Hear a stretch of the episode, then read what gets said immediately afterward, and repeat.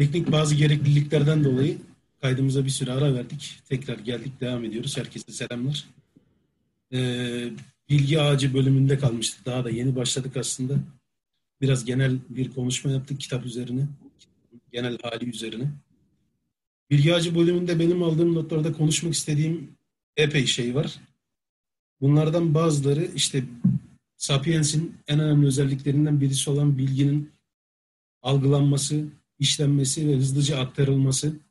Bu biraz önce de bir önceki oturumda işte e, Çağrı'nın değindiği şeye benziyor. Storytelling olayı, işte hikaye anlatma olayı. Sapiens büyük gruplar içerisinde gayet iyi bir şekilde dedikodu, etkin bir dedikodu sistemine sahip. 150'ye kadar, 150 kişiye kadar olan gruplar içerisinde. Bu etkin dedikodu sistemi Sapiens'e hem e, etkin işbirliği e, olanağı sağlıyor hem de zihinsel gelişimine ciddi yardımcı oluyor. Çünkü çok fazla veri var. Bu verileri aklında tutması gerekiyor. Kimin kimle iyi olduğu, kimle kötü olduğu, kimin ne de ustalaştığı ya da hangi konularda zayıf olduğu gibi çok fazla verinin işlenmesi demek aynı zamanda sürekli beyin jimnastiği anlamına geliyor. Aslında ilk dönem sapiensleri, av, avcı toplayıcıları bizden çok daha ciddi e, zihinsel aktiviteler gerçekleştiriyorlar. E, görsel ve işitsel algılarını çok daha iyi kullanıyorlar. Etkin kullanmak zorundalar. İşin içerisinde hayatta kalmak durumu var. İşin içerisinde e, zamanı, sınırlı zamanı, özellikle gün ışığını çok iyi kullanmak durumu var. O yüzden bizdeki şu an hiç aklımıza gelmeyen o sıradanlaşmış bizim için, bizim kanıksadığımız lükslerin birçoğuna sahip değiller. Mesela bunun en önemlisi elektrik. Yani zamanı etkin kullanmak o adamlar için çok çok daha elzem bir durum. Burada aldığım şeylerden birisi, e, notlardan birisinde şey var. Sapiens'i tarım devrimine iten bazı nedenler var. Bunların bence en önemlilerinden birisi e, Sapiens'in bilgi birikiminden dolayı elinde çok fazla hani problemlere çözüm var. Sağlık problemlerine özellikle. Kendini etkin bir şekilde besleyebiliyor. Sağlık problemlerine karşı belirli ilaçlar yapabiliyor. Düşünebiliyor. Ve bu yetenek yavaş yavaş Sapiens'in nüfusunun artmasına sebep oluyor. Nüfus artışı Sapiens'in itici güçlerinden birisini getiriyor. Yani tarım devriminin bence kitaba göre de böyle e, önünü açıyor. Tarım devrimine bir şekilde Sapiens kendi kendini zorlamaya başlıyor. Nüfus çok ciddi bir baskı çünkü. Daha fazla beslenmesi gereken boğaz. E, yaşam süresi uzadıkça, daha fazla beslenmesi gereken boğaz oldukça yavaş yavaş Sapiens'in tarım devrimine giden yolu açılıyor. Bu konu hakkında ne düşündüğünüzü işin açığı merak ediyorum. İlk sözü de Erhan'a vereyim. Erhan ne düşünüyorsun bu konu hakkında? Ee, Zaten benim bu konudaki görüşüm şöyle oluştu. Başından beri böyleydi. Ee, nüfus insan türü içinde, diğer türler içinde davranış şekillerini belirleyen, yaşama biçimini, sosyalleşme biçimini belirleyen en önemli etken nüfusun hem çokluğu hem de yoğunluğu. Dediğin gibi e, insan belirli bir süre sonra çok daha büyük kitlesel ihtiyaçlara doğru sürükleniyor. Nüfusun artışından dolayı e, yani medenileşmek durumunda kalıyor aslında. Çünkü hani medeni demek bildiğiniz gibi e, medinelileşme, şehirlileşme artık şehir hayatına geçmeye başlıyor. Sık biçimde yaşamaya başlıyor. Tarım devrimi bu açıdan e, hem bir neden hem bir sonuç gibi görünüyor. Dediğin gibi aslında bir sonuç. İnsan e, daha kalabalık yaşama becerisi elde ettikçe, nüfusu arttıkça tarım gibi zaten bundan da bahsediyor kitapta. Daha kalitesiz ürün üreteceği ama niceliği daha çok e, besleyebileceği bir beslenme ve yaşantı biçimine geçiyor. E, işin kırılma noktası o ihtiyaç oluyor zaten. Kitap bunu yeterince açıklamıyor ama bu kadar e, sağlam bir kaynak olduğunu da sanmıyorum zaten. Tarım devrimine insan hangi nedenlerle geçti? Dilşat'ın dediği nedenler şu anda hem mantıken hem de bulgular açısından yazar da zaten e, bu yönde anlatmaya çalışıyor. E, en önemli neden Dilşat'ın dediği nedenler. Nüfus, nüfus insanı tarım devrimine doğru itiyor gibi. Ben e, onun yanında biraz insandaki e, eldeki yeteneği daha verimli kullanma kabiliyetinin de tarıma ittiğini. Hani ekebiliyorsa neden ekmesin? Bunu akıl evet. edebilmişse, tohumun e, bitkiyi çoğaltabildiğini gözlemlemişse, bunu da yapacak el kabiliyeti, sosyal kabiliyeti varsa neden yapmasın? Hani biraz bir doğal akış da söz konusu. İhtiyaç üzerine e, maksatlı bir yaklaşım da söz konusu gibi geliyor. Evet. Çok bilgim olan bir konu. Benim bir de düşündüğüm şey Sapiens'in döl verimliliğinin diğer canlılara istinaden yani kendi yaşam süresini uzatma, kendi nüfusunu arttırma bakımından döl verimliliğinin de çok yüksek olduğunu ve bunun nüfus baskısına yol açtığını düşünüyorum. Yani Neandertallerde işte Erectus'lardaki çocuk ölümleriyle Sapiens çocuk ölümleri şu an bilmiyoruz aralardaki farkı ama kuvvetle muhtemel kıyaslandığında büyük ihtimalle Sapiens'lerdeki çocuk ölümleri ve döl verimliliği e, çocuk ölümleri daha düşük, döl verimliliği daha yüksek çıkacaktır diye düşünüyorum. Çünkü bu nüfus yani bu katlanarak artan nüfus başka türlü açıklanamaz. Bu konuda Çağrı'nın ve Eren'in de söylemek istedikleri var. Ben önce Çağrı'ya vermek istiyorum sözü. Daha önce işaret ettiği için. Çağrı sendeyiz. Ee, benim burada e, aslında yani kitap güzel bir hipotez ortaya atıyor bence. Ama hani bu nüfus nasıl arttı? Ben burada mesela kafam biraz e, soru işaretleriyle dolu. Çünkü hani bu 150 kişi olayı hakikaten günümüzde bile bunu yaşıyoruz. Mesela e, şirketler, mesela büyük şirketler özellikle hep böyle küçük alt gruplara kendini bölmeye çalışıyor. Çünkü hakikaten bir insanın iletişimde olduğu, ve hani sağlıklı bir şekilde kim neyi yapar bilgisini kafasında tutabildiği insan sayısı bu 150 ile hani e, kısıtlandığı hani şey bu araştırmalarla filan da e, gösterilmiş bir olgu. Şimdi şöyle bir e, hani dünyaya hayal edelim. E, Homo sapiens ya da Neandertal yani bir grup var insan grubu diyeyim şimdilik. E, bir insan grubumuz var. Hani bu 150 kişiyi aşmaya başladığında zaten muhtemelen bölünecek bu grup. Yani hani kavgalar çıkacak, işte liderlik savaşları, bölünme yani diyelim ki nüfus 200'e çıktığında iki tane kabile reisi olacak ve bu kabile bölünecek yani. Hani ve e, dünya o kadar e, sonsuz bucaksız bir yer ki e, illaki kendilerine ayrı bir yerler bulmaya çalışıp bulabilirler. Yani neden o zaman tarıma geçti yani insan? E, orada e, nüfusun artması kendi başına e, bence şey değil. Yani sebep değil. Nüfusun artması sonuç bence. Yani nüfus artabilir her zaman artabilir. Hani döl verimli olur ne bileyim böyle güzel Onun iyi. bir sebep olduğunu hiç düşünmedim aslında. O sebeplerden bence sadece en önemli sebep. Ayrıca avcı toplayıcı, toplayıcıların hareket kabiliyetlerini ya da hareket e, şeylerini, sistematiklerini tam bilmiyoruz ama çok uzaklara gitmedikleri, belirli çevreler içerisinde, belirli kilometre kareler içerisinde kaldıkları düşünüldüğünde, senin dediğin gibi bir olay gerçekleştiğinde, yani nüfus baskısıyla birlikte 200 kişilik bir grup 100'e 100 diyelim ki bölündüğünde e, belki aynı kaynaklar için e, mücadele etme eğiliminde olmuş olabilirler. Bunların tabii tamamı farazi düşünüşler yani üzerine düşünme yaptığımız şeyler. Kitabın bizi buraya yönlendiren bazı noktaları var. Yani bu düşüncelere yönlendiren bazı noktaları var. Ama dediğim gibi nüfus sadece bu sebeplerden, bu durumlardan birisi olabilir. Bence en önemlilerinden birisi.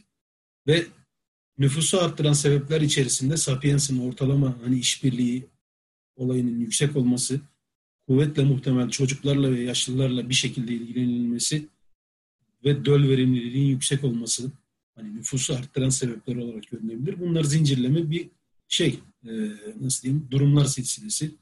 Eren'in sanırım bu sonunda konuda söylemek istedikleri var. Eren sendeyiz. Ee, ben biraz daha şey düşünüyorum bu konuda. Çağrı gibi düşünüyorum. Ee, nüfus artması bence de bir sonuç. Ben daha ziyade bunun güvenlikle ilgili olduğunu düşünüyorum. Yani e, düşünün bir avcı toplayıcı grubusunuz. 50 kişisiniz ya da 70 kişisiniz fark etmez. Bulunduğunuz bölgede av hayvanlarının nesli tükenmeye başlıyor ya da azalmaya başlıyor. Güneye iniyorsunuz. Yani hep bu şeydir. Buzul çağlarında güneye iner avcı toplayıcı grupları doğal olarak. Güneye doğru iniyorsunuz. Sonra düşünün mesela Sibirya'dan Hint ovalarına doğru gitmeye başlıyorsunuz. Verimli toprakları görüyorsunuz, suları görüyorsunuz, ılıman iklimi görüyorsunuz. e, korunaklı yapıları görüyorsunuz ve şundan bahsetmeye başlıyor birkaç tane ne bileyim değişik akıllı insanlar. Ya biz işte burada bunlar yetişiyor, bunlar yeniyor. Acaba biz bunu kendimiz yetiştirebilir miyiz? Bir. İkincisi çocuklarımız var, ölüyorlar. Biz sürekli hareket halindeyiz ve buna dayanamıyorlar mesela. Daha da öte başka bir şey söyleyeceğim. İnsan yani biz sıkılan varlıklarız. Adamlar sürekli yol tepmekten sıkılmış bile olabilirler aslında. Yeter artık ya şurada e, bir mağaram olsun. E, efendim şuraya ağaçtan bir kulübe yapayım.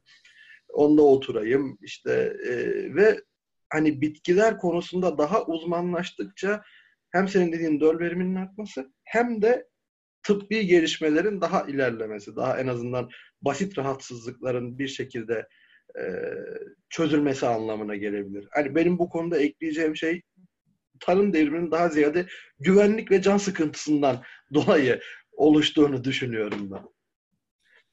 Elon Musk'ın geçenlerde bir e, videosunu izlemiştim. Orada Tesla'nın bütün e, şemasının halka açık olmasıyla ilgili güzel bir tespiti vardı. Şey diyordu.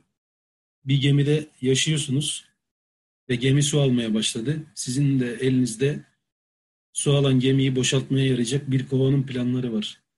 Bu kovanın planlarını insanlarla paylaşmaz mısınız diye bir soru yöneltiyor muhabiri. Bence gayet güzel bir soru. Kuvvetle muhtemel Sapiens'in temel yaklaşımı da bu olsa gerek. Yani bilgiyi paylaşıyorlar birbirleriyle ve böylece o hastalıklara karşı e, ciddi korunma yollarını bir şekilde buluyorlar. Ve bu nüfus artışını işte e, etkin işbirliğini getiriyor. Yani etkin işbirliği aslında bilgiyi paylaşmak, bilgiyi bir şekilde kanalize edebilmek kendi aramızda yani kabile arasında diyeyim kullanabilmekten geliyor. Tabii benim yorumum bu. Ee, buradan sonrasında şu bilgi ağacında şöyle bir yani bilgi ağacı bölümünde şöyle bir bölüm de var. Ee, kültürel olarak bizim sadece soyut dünyamızda, hayal gücümüzde yaşayan bazı varlıklar üretmeye başlıyor Sapiens. Kuramsal varlıklar.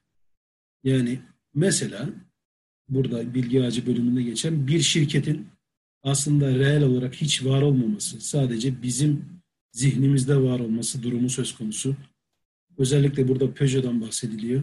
Tabii Peugeot'un aslan amblemi Stadel insanı veya kadını işte adamı her neyse.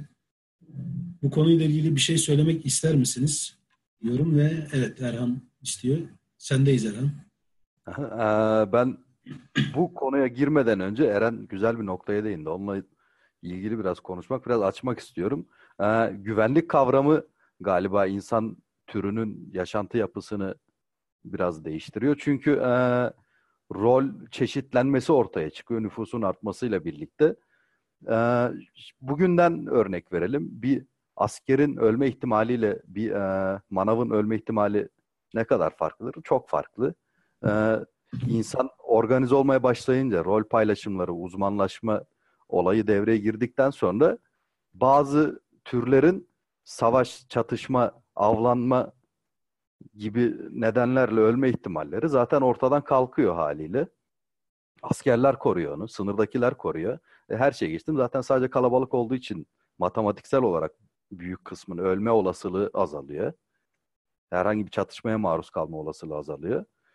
Ee, tabii yine Eren yine güzel bir noktaya değindi. Sıkılma. Sıkılmışlardır. Çok mantıklı. Ee, yine de şunu algılayabilmeyi ya da e, bir süper güce sahip olup böyle bir 10 bin yılı falan gözlemleyebilmeyi, iki saatlik film izler gibi gözlemleyebilmeyi isterdim. Gözlerimle görmek isterdim. Çünkü biz kafamızda hep şunu görmek istiyoruz. Şu şekilde anlamak istiyoruz. Ee, Alaska'da neden yaşadılar? Niye orada durdular? Ya da e, bu göçler nasıl göçlerdi? Bunu kavimler göçü için de çok düşünmüşsünüzdür. E, bir anda mı oldu? Ne kadar ani, fevri davranışlar mı vardı ortalıkta? Yoksa çok fazla yavaş bir devinim mi söz konusuydu? Ani bu devinim içerisinde olsa bile, yavaş olsa bile ani kararlar oldu mu? Hızlıca birdenbire kararlar verildi mi? Ya da herhangi bir karar söz konusu oldu mu? başından sona kadar. Belki de hiç olmamıştır. Belki de hiç e, kaderlerini yaşamıştır. Tür kaderini yaşamıştır. Hiç karar söz konusu değildir. Keyfi bir durum söz konusu değildir. Bunu 10 bin yıllık bir süreci, 100 bin yıllık bir süreci bir film izler gibi görmek isterdim. Yine e, kitabın geneliyle ilgili bir yoruma getirmek isteyeceğim. Bunu bir şekilde basit, yüzeysel bir şekilde kitap bunu yapmış. O açıdan zaten genel olarak okuyan çevremdeki çoğu insanın verdiği tepki keyifle okumak şeklinde oldu. Keyifle okunan bir kitap. Ee, bu genel yorumumu anlattım. Dişat senin sorunu tekrar rica edebilir miyim? Hangi sorun? Pardon. Yani güvenle ilgili bir soru sorun. Şey, e, pardon. Stadel Aslanı, Peugeot ve hayali hayali, hayali kurguların e, şöyle bir durumu var. Kitabın iddia ettiğine göre de ben de bazı noktalarda mantıklı buluyorum o durumu. Şey diyor, kurgu sadece yani kurgu değildir. Aynı zamanda kolektif işbirliği yapabilmenin ilk adımlarından birisidir. Eren güvenle bağdaştırdı. Kendi notlarıma baktığımda aynı şekilde ben de yasal kurgu dediğimiz şey bana güven kavramını düşündürttü diye not almışım. Demek ki bir aklımıza aynen aynı şekilde gelmiş bazı şeyler. Çağrı'nın bu konuda söylemek istedikleri var. Çağrı sendeyiz.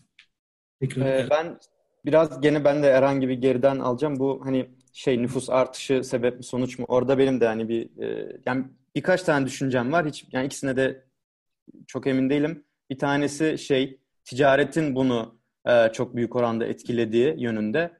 E, ticaret olduğu zaman e, elinde bir şeyler birikiyor. Ve hani ilk zamanlarda öyle çok altın, para filan maden de olmadığı için yani mesela düşün deniz kabukları, şunlar bunlar, işte fil dişleri birikiyor, birikiyor. Yani bir yerden sonra avcı toplayıcı olarak bu hani diyelim ki çok üst böyle şey iyi organize olmuş, böyle güzel, zengin bir bölgede yaşayan bir şeysiniz, e, topluluksunuz. Hani Age of Empires bizim oynadığımız oyundan hani böyle her yerde şeyler, yaban domuzları, koyunlar, keçiler topluyorsun, topluyorsun. Yani birikiyor tamam mı böyle yani şey yani şey yapamıyorsun, taşıyamaz hale geliyorsun. Bir yerden sonra belki de hakikaten ya işte yerde biten uyduruk buğdayı, pirinci yem, hani ya burada bu uyduruk da olsa ben buradan düzenli şey yapabilirim, hasat kaldırabilirim. E, bu sayede hani o güvenlik şeyine de oradan belki geçiyor. Yani elim yani güvenlik olması için elin korumak istediğin bir malın bir şeyin olması her zaman hani insanda şey uyandırıyor. Hmm, o güvenlik ihtiyacını uyandırıyor. Diğer türlü hani avcı toplayıcı grup e, ya bir şekilde kaçabilir, bir şey yapabilir. Yani zaten belki de e, işte o dünyayı neden biz keşfettik, kaçtık yani. yani. E, çünkü hakikaten bizim atasözümüz bile var. Erkekliğin onda dokuzu kaçmaktır yani. Hani öyle bir şey de olmuş olabilir. Hani güvenlik belki hakikaten. Güvenlikten önce de ticaret hani elinde bir şeyler birikti e, o sahiplenme yani bu malı mülkü işte bu değerli şeyi bırakmak istemiyorum. E, belki de bu hani oraya yönlendirdi. E, bir onu hani ile aktarmak istedim. E, şeyle ilgili olarak da Evet. Devam edeyim mi?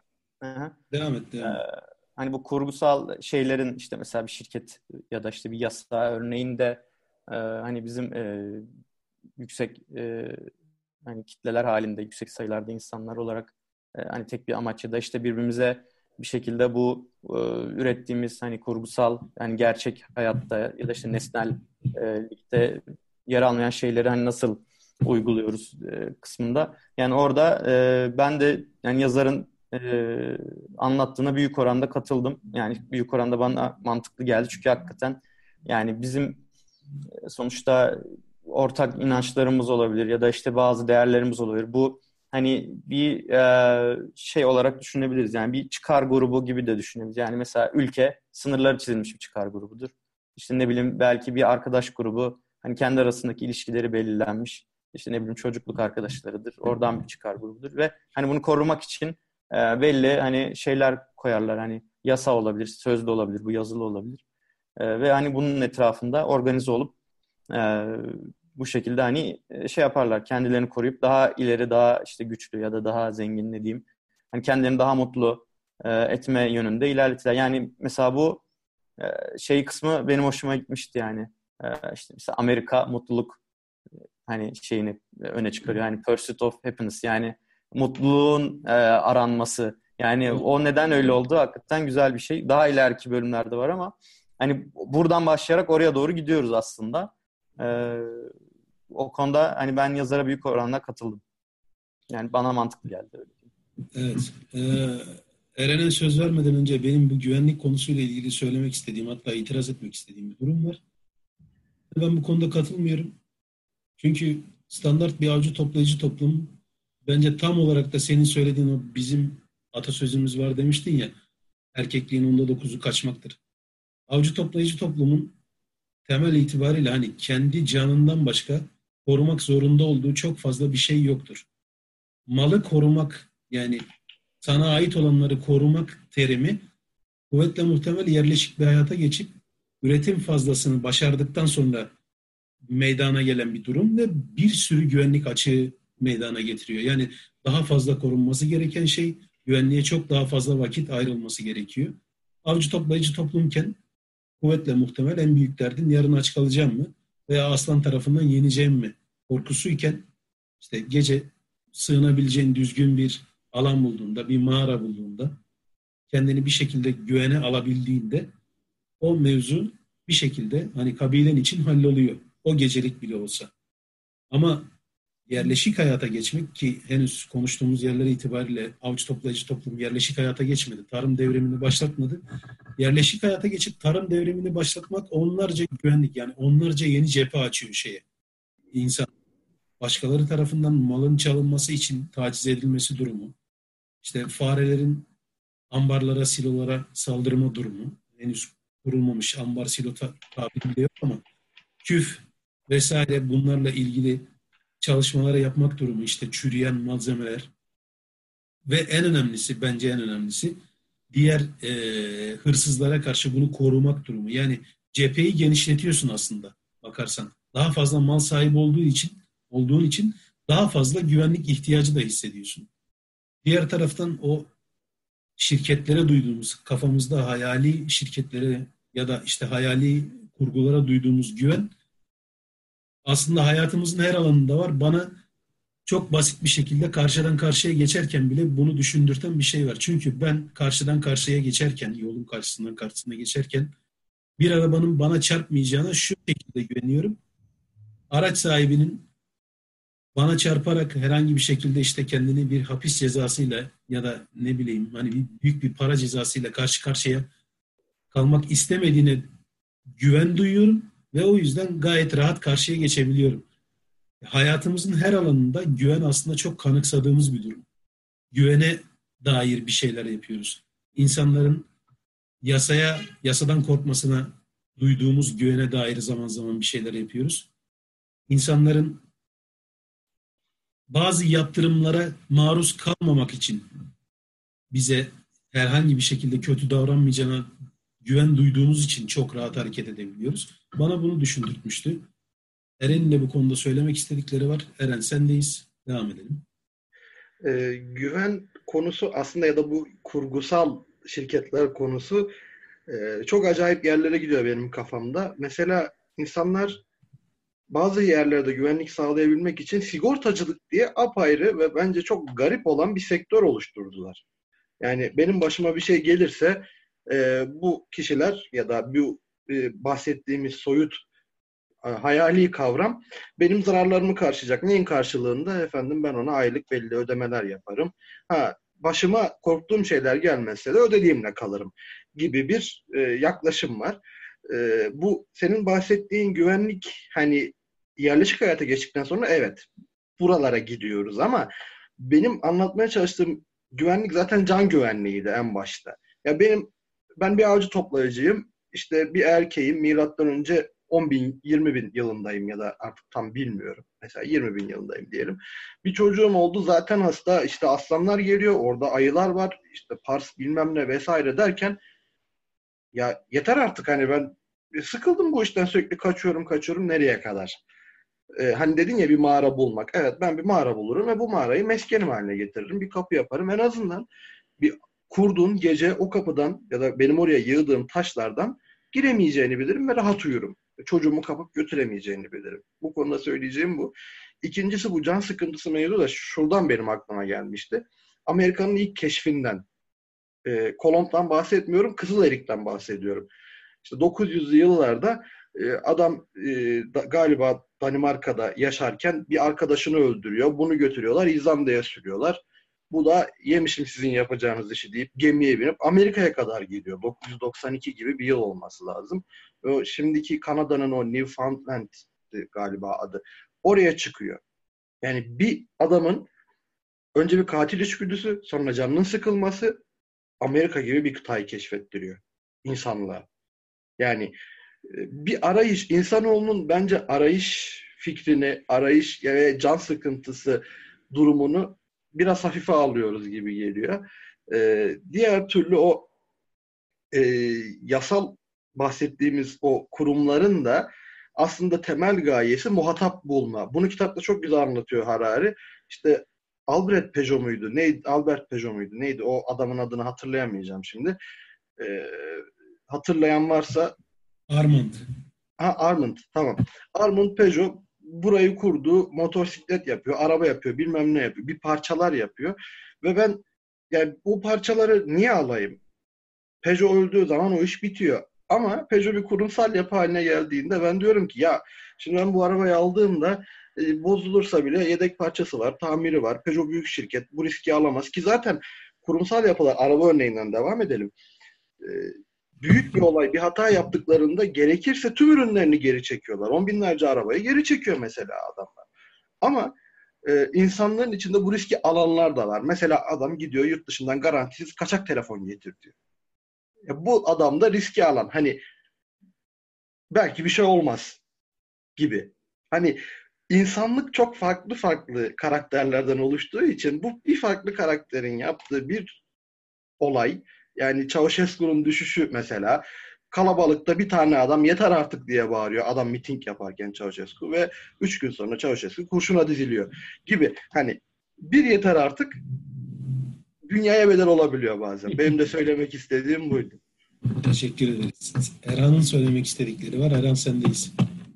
Ben e, bu insan türündeki arayış kaygısını, merak kaygısını Dilşat'ın söylediği nedenlere bağlıyorum. Katılıyorum o konuda Dilşat'a. E, ihtiyaçlar. Dilşat söyledi ya, e, tarıma geçildiği zaman özellikle bir mülkiyet kavramı ortaya çıkıyor. Zaten diğer türlerde olmayan bir e, sosyal sistem meydana çıkıyor. Bunlarla ilgili Dişat güzelce anlattı onları uzun uzun zaten. E, güvenlik söz konusu. Sonra teknik meseleler var. Bilimsel meseleler var. İnsanın düşünmesi gereken. Küflenme güzel bir örnek olduğu açıdan. Küfe çare bulması gerekiyor. Herhangi bir türün küfe çare bulması gibi bir durum yok. İnsanı arayışa iten genel olarak ihtiyaçlar gibi görünüyor. Şey de aynı şekilde bu tüzel kişiliklerin, tüzel kuralların ortaya çıkması da yine ihtiyaçtan kaynaklanıyor. Ben vicdan kavramının dahi insanın birlikte yaşama zorunluluğundan ortaya çıkan evrimleşmiş bir güdü olduğunu düşünüyorum. Dilşat bir örnek vermişti ya, karşıdan karşıya geçerken o yoldan geçen arabanın bana çarpmayacağını kanunlardan ötürü güveniyorum diyor. Sadece kanunlar mı? bir insan kanun sallamayabilir. Ya da e, o gelen kişi kanundan yırtacak birisi de olabilir. Ya da başka kazalar düşünebiliriz. Başka güvenilmesi gereken vakalar düşünebiliriz. İnsan sadece kanundan mı korkar? Vicdan da söz konusu bir yandan. E, iyi insan olduğu için birçok insan kötülük yapmaz. Başkasına zarar vermez. Peki e, neden? Bazen çünkü vicdanımız bize çıkarlarımızın tersinde e, davranışlar emreder. Büyük çoğunlukta e, çıkarından ziyade vicdanını tercih eder. Aslında burada da bir çıkar söz konusu mudur? Söz konusudur. Çünkü toplumsal bir sözleşmeye bağlıyız. E, bu kalabalık toplumun bir parçası olmak istiyorsan vicdan denen güdüye uygun davranman gerekiyor. Bu bir hani self kontrol sistemi gibi oluyor. Kanun herhangi bir konuda kanun olmasa bile hani şimdi de bu internetin gelişmesiyle birlikte mesela e, internet dünyasının düzenlenmesiyle ilgili birçok yerde kanun yokken yine de birçok insan ahlaki davrandı.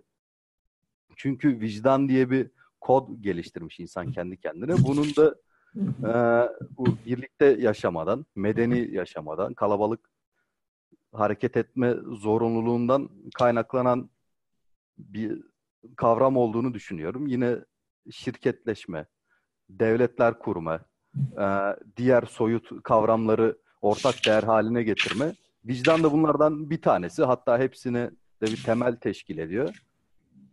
Bunu anlamak kolay.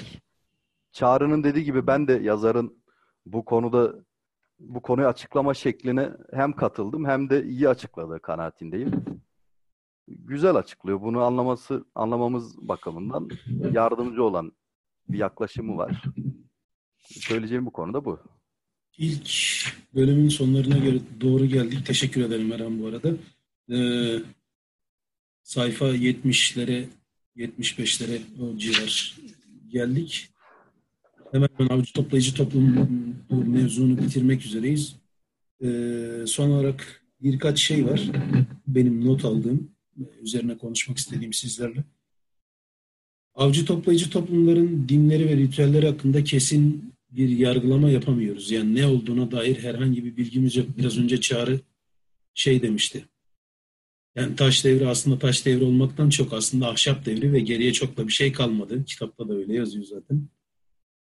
Yani elimizde çok fazla kesin kanıtlar yok. Ee, ve buradaki bilimsellik biraz bazı sis perdelerinin arkasında. Burada da e, sayfa 72'de sessizlik perdesi diye bir bölüm var.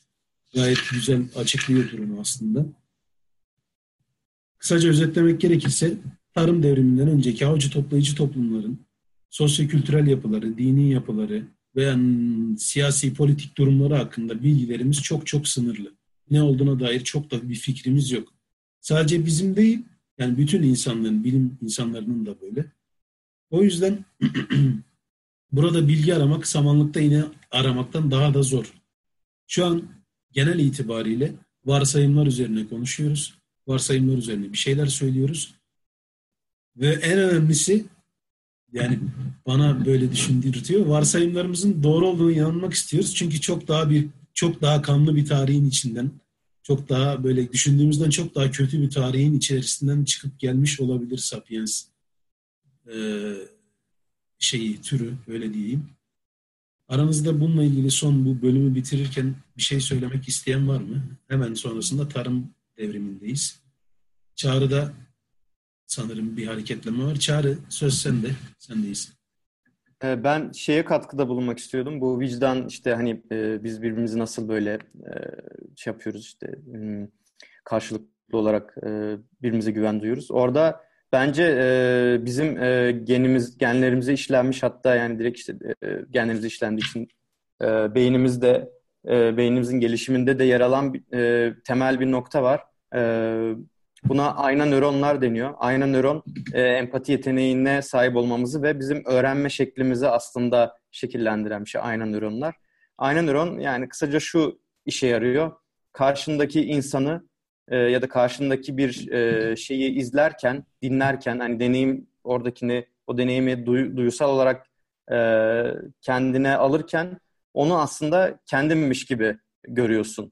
Yani bunu mesela e, şeyde de görebiliriz. E, bir korku filmine gittiğimizde neden korkarız yani sanki böyle bizi öldürecekmiş gibi. Yani film olduğunu bildiğimiz halde çünkü bizim e, o kadar temel seviyede beynimize işlemiş ki bu. Yani o ayna nöronu kapatamıyoruz yani. Ayna nöronu kapatırsan zaten psikopat oluyorsun. Yani hani toplumun dışına sürükleniyorsun. Yani ne bileyim katliamlar yapabilir. Herhangi bir şey yapabilirsin. Yani hani zaten hani böyle işte çok katliam yapmış bir sürü insanı vicdansızca öldürmüş insanlar hakkında böyle e, şeyler söylerler. Yani işte bu adamın aynı nöronları çalışmıyormuş. O yüzden psikopat falan gibi. Sosyopat pardon evet sosyopat yanlış terim kullandım.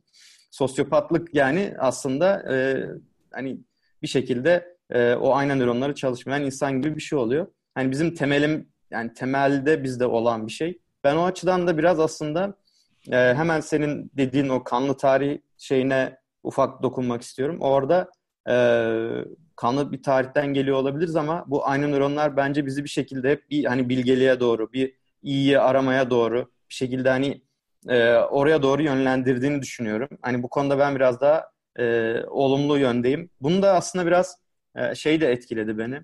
Yani bir artık hani bu geleneksel medyayı hakikaten takip etmeyi bıraktım. Geleneksel medya sürekli kötülük pompalıyor bence bize. Sürekli kötü haberler pompalıyor. Çünkü hep anekdotlar gerçek hayatmış gibi hissettiriyor bize. Çünkü anekdot olmayan yani köpek insanı ısırdı haberdir. Şey pardon haber değildir. İşte insan köpeği ısırdı haberdir falan muhabbeti gibi yani. Zaten hep ilgi çekici böyle ve çoğunlukla bunlar e, işte can sıkıcı böyle bizi korkutan şeyler oluyor. E, birisi o. Bir de e, benim hani önerdiğim kitap işte bundan üç kitap sonra okuyacağız galiba. Akılcı İyimser kitabı. Orada hani şeyin Harari'nin anlattığından çok daha farklı anlatıyor insanlığın geçmişini. Hani orada da benim çok katılmadığım yerler var ama orada anlattığı hani çoğunlukla hani iyiye gittiğimiz yönde hatta dünyanın ekolojisini bozduğu insanlık argümanını bile böyle hani çürütmeye çalışıyor. Hani böyle kendi koyduğu e, şeylerle e, e, işte belgelerle falan. Hani orada ben hani şey kısmında o kadar olumsuz bakmıyorum. Onu bir de söylemek istedim. Umarım öyledir. Eren'in son olarak söylemek istedikleri var. Sonra herhalde avcı toplayıcı toplumu kapatıp tarım devrimine doğru yol alacağız. Eren sendeyiz. Şimdi ben şeyi düşünüyorum bu kanlı geçmiş konusunda ve Çağrı'nın dediği ayna nöronlarla birleştireceğim. Ayman diye bir adam var. Bilmiyorum daha önce duydunuz mu? Ayman Hitler'in e, toplama kamplarının başına getirdiği bir bürokrat. E, aslında bir askeri geçmişi yok bildiğim kadarıyla. E, işini tırnak içinde söylüyorum çok iyi yapan bir bürokrat. Ve bu adam e, Yahudilerin toplama kampları arasında sevk ve idaresinden ve orada yok edilmesinden sorumlu. E, bu adam daha sonra galiba 60'lı yıllarda Arjantin'de yakalanıyor ve İsrail'e götürülüyor yargılanma için. E, adam o kadar sakinmiş ki yargılanması esnasında hatta YouTube'da bunun şeyleri de var. E, duruşma kayıtları da var. izleyebilirsiniz. Adam şunu soruyor yani iyi de ben kimseyi öldürmedim ki. Ben bana emredileni yaptım. Yani ben ne denirse onu yaptım. Bence ben suçlu değilim. Ben niye yargılıyorsunuz noktasına kadar gelmiş. Hatta bu adamın bu hareketleri üzerine psikolojide e, yeni terminolojiye girmiş bir kavram oluşmuş. Kötünün sıradanlığı diye. Yani hani sıradan bir insan nasıl bu kadar kötü olabilir? Burada o çağrının dediği aynı nöronlar aslında şöyle çalışıyor. İçinde bulduğunuz topluluk, mesela Hitler Almanyası size ne dikte ediyorsa onun içinde normalleştiriyorsunuz bir kötülüğü. Yani Yahudiler diye bir insan güruhu var ya da topluluğu var. Güruh yanlış kelime seçimi oldu. O topluluğun hepsinin kötü olduğunu düşünüyor. Empoze ediliyor bu kötülük. Aynısını avcı topluluğculara uygularsak mesela gene 100 kişilik bir grupsunuz. Diyorsunuz ki bizden başka herkesin ölmesi lazım. Ve topluluk içindeki insanlar bunu kanıksıyor ve öldüre öldüre gidiyorlar. Yani bu dediğin kanlı geçmiş, Dişat'ın bahsettiği kanlı geçmiş bence çok olası. Yani tarihin derinliklerinde muhtemelen vahşice katledilmiş hatta belki barbarlık seviyesinden de öteye geçip yamyamlığa kadar gitmiş durumlar olması çok sıradan olurdu. Ben hani Erhan'ın bahsettiği bu geçmişimizi böyle hızlıca görebilsem mevzu var ya onu görebilsek muhtemelen çok iğrenç şeylerle karşılaşacağız. Ve bu iğrençlikler içinde de ya, var olmamıza bile artık nefretle yaklaşabiliriz. Söyleyeceklerim bu kadar. Eren'e teşekkür edelim. Ee, şu an yavaş yavaş böyle şeye doğru gidiyoruz. Tarım devrimine doğru gidiyoruz. Tarım devrimine gitmeden önce e, birkaç söylemek istediğim son olarak şey daha var. Bu arada Erhan'ın söylemek istedikleri var. Erhan sendeyiz. Aa, bence sen söyleyeceklerini söyle. Ben çünkü Eren'in söylediklerinden tarım devrimine de geçiş yapmış olacaktım. Ben de Eren'in söyledikleriyle ilgili bazı şeyler söyleyeceğim. Ee, aslında insanın durumu kanıksaması yani hızlıca kanıksaması insan hani bir şey çok hızlıca e, hayatının gerçeği haline getirebilir. İnsanın böyle bir şeyi var, durumu var. İşte daha dün lüks bulduğumuz bir şeyi belirli bir süre kullandığımızda bugün bir bakarsınız işte hayatımızın bir gerçeği, bir parçası olmuş. Bunun insanın gelişimindeki temel motivasyonlardan birisi olabileceğini hep düşündüm. Kanıksama durumu. Yani insan mülkiyet edindiği bir şeyi bu bir olgu olabilir. Bu bir ne bileyim nesne olabilir, araç olabilir ya da bir bir çeşit konfor, rahatlık olabilir.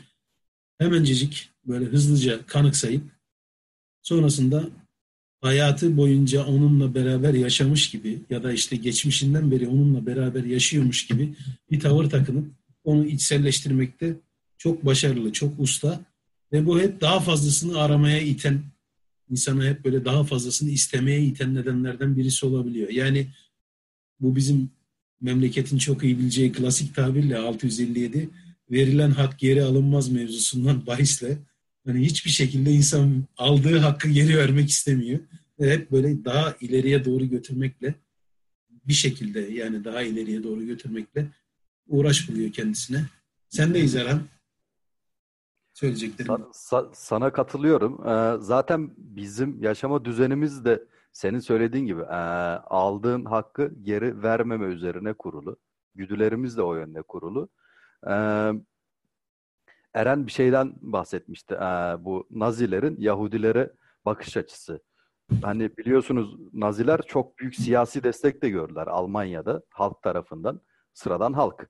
Yani neden böyle bir vahşete göz yumabilir? Bunu bir göz yumma değil de e, bunu bir gereklilik olarak gördükleri belli doğru yerde durduklarını düşündükleri belli. Buna ne neden oluyor? Yine tarım devrimine de burada bir giriş yapmış olalım. Ee, bireyin, bireylerin önemi azalıyor. Organizasyonların önemi artıyor. Kavramların önemi artıyor. Yani e, milliyetçilik kavramı için peşine dev kitleler takabiliyorsun. Bu tüm kavramlar için, tüm soyut kavramlar için geçerli. Ee, sosyalistlerin yaptığı katliamları biliyoruz. Tüm e, dünyadaki bütün ideolojileri, bakış açılarına baktığımız zaman hepsinin ortak iddia ettiği bir şey var. İyi ve doğru olan biziz. Doğrusunu biz yapıyoruz. Ama bu uğurda yapılan dev katliamlar var. Hepsi yapıyor. Hiç kimse kimseden ayrılamaz bu konuda zaten. Buna ne neden oluyor dersek buna da e, tarım devrimiyle insanın geçtiği yeni düzen neden oluyor. Ve Dilşat'ın dediği gibi artık alınan bir hak geri verilmez. Tarihte çok az fethedilen yer ya burası aslında sizinmiş, bizim değilmiş ki diye geri iade edilmiştir. e, aldıysan senindir. Mülk senindir artık. Sahip olmayı bir şekilde başardıysan, güç sendeyse iktidar da sendedir. Mülk de sendedir. E, insan tarımla bu hale geliyor. Çünkü çok yeni bir düzene geçiyor. Diğer canlıların geçmediği bir düzene geçiyor. Artık bireylerin çok fazla önemi yok. Ee, hani diğer türlerde şöyle bir şey vardır. Belgesel seyredersiniz. Aslanın belgeselini seyredersiniz. Ama insan dünyasında e, çok az kişinin belgeseli çekilebilir şekilde. Hani çoğumuzun yaşamları çok standart. Davranışlarımız bireysel davranışlardan ziyade belirli kalıp davranışlar aldığımız kararların çoğu e, dahil olduğumuz üst sınıfın davranış şekli aslında. Hatta sadece bir üst sınıf da değil, birden fazla üst sınıfa. Onların da üzerinde çatı ideolojiler. içerisinde bulunduğumuz zaten belirli sınırlar var. Ee, Türkiye'liysek Türkiye'nin çıkarlarını düşünmek durumundayız. Şu anda bütün dünya buna göre davranıyor. Biz de e, hani şu anda dünyada biliyorsun Türkiye'de kaynar vaziyette. Biz de ülkemizin çıkarlarını, haklarımızı gözetiyoruz haliyle. Buna göre çok haklı bir durumdayız. Türkiye hakkını arar durumda. Buna şahit oluyoruz. Tarımla bu şekilde insanlar gruplaşmaya başlamışlar ve kendi doğrularını oluşturmuşlar. Bunu anlamak insana kolay geliyor. Ama öte yandan da e, güç sahibi olanların nasıl bu kadar e, hükmetmek namına değerleri değiştirebildiğine şahit olmak da ilginç. Eren'e katılıyorum. Gerçekten de öyle bir 10 bin yılı, 100 bin yılı film seyreder gibi seyretseydik çok çirkin sahnelere rastlardık galiba. Ama o filmde durdurup o fotoğrafta rastladığımız kişiye sorsaydık bize çok makul açıklamalar hepsi de yapardı galiba. Zaten sosyopat dediğimiz şey de e, Çağrı'nın söylediği gibi genetik bozukluklara sahip yani bazı ruhsal sorunlara sahip istisnai küçük azınlıklar. Onun dışındaki e, şahit olduğumuz kötülüklerin hepsi belirli değerlerin, soyut değerlerin o değerin sahibi toplumun çıkarı uğruna emretmiş göründüğü gereklilikler gibi görünüyor. Bu konuda e, tarım devrimi insana değişik bir yol açmış. Belli ki öyle görünüyor. Bizi çok farklı bir tür haline getirmiş. E, diğer türlerin kaygısı olmayan meseleler bizim kaygımız haline gelmiş artık. E, ben böyle bir giriş yapmış olayım tarım devrimine. Söyleyeceğim bu. Teşekkür ettim. Eren'in son olarak söylemek istedikleri var. Sonra tarım devrimine devam edeceğiz. Bu arada da ufak bir mola verelim diyorum. Umarım sıkıntı olmaz. Uygun. Ben as ben aslında tarım devrimine geçmiş gibi bir şeyler söyleyecektim ama e, olmasa mola verelim. Moladan sonra ben girizgah yapayım Olabilir. isterseniz. Olabilir. O zaman tarım devrimine geçmeden hemen önce bir küçük mola verelim. Sonrasında tarım devrimine hep birlikte devam ederiz.